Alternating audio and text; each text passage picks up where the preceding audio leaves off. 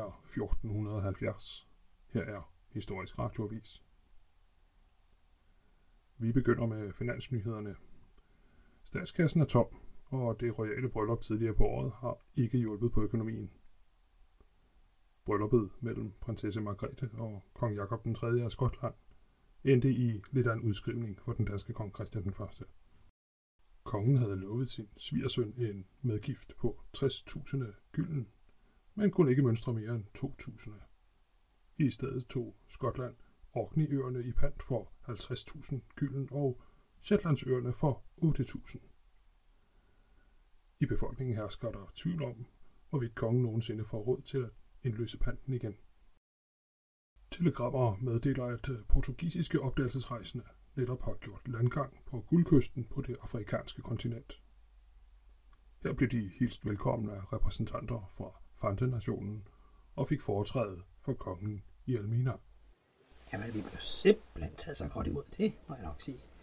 Og virkelig ikke nogen alle steder. Jeg tror godt, vi kan lave nogle fede forretninger i årene fremover. Sådan lød det fra en af de portugisiske udsendinge, der talte med vores reporter Jensine Pedersdatter.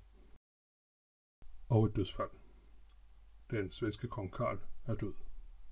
Han blev 62 år. Kong Karl blev indsat som Sveriges monark i 1448, og allerede to år efter måtte han afstå Norge til den danske kong Christian 1. Sverige og Danmark lå derefter i krig med hinanden. Kong Karl nåede blandt andet at blive sat af tronen i Sverige to gange i sin samlede regentperiode. Den svenske konge var gift tre gange og efterlader sig fem nulevende børn. Det var Historisk Radioavis.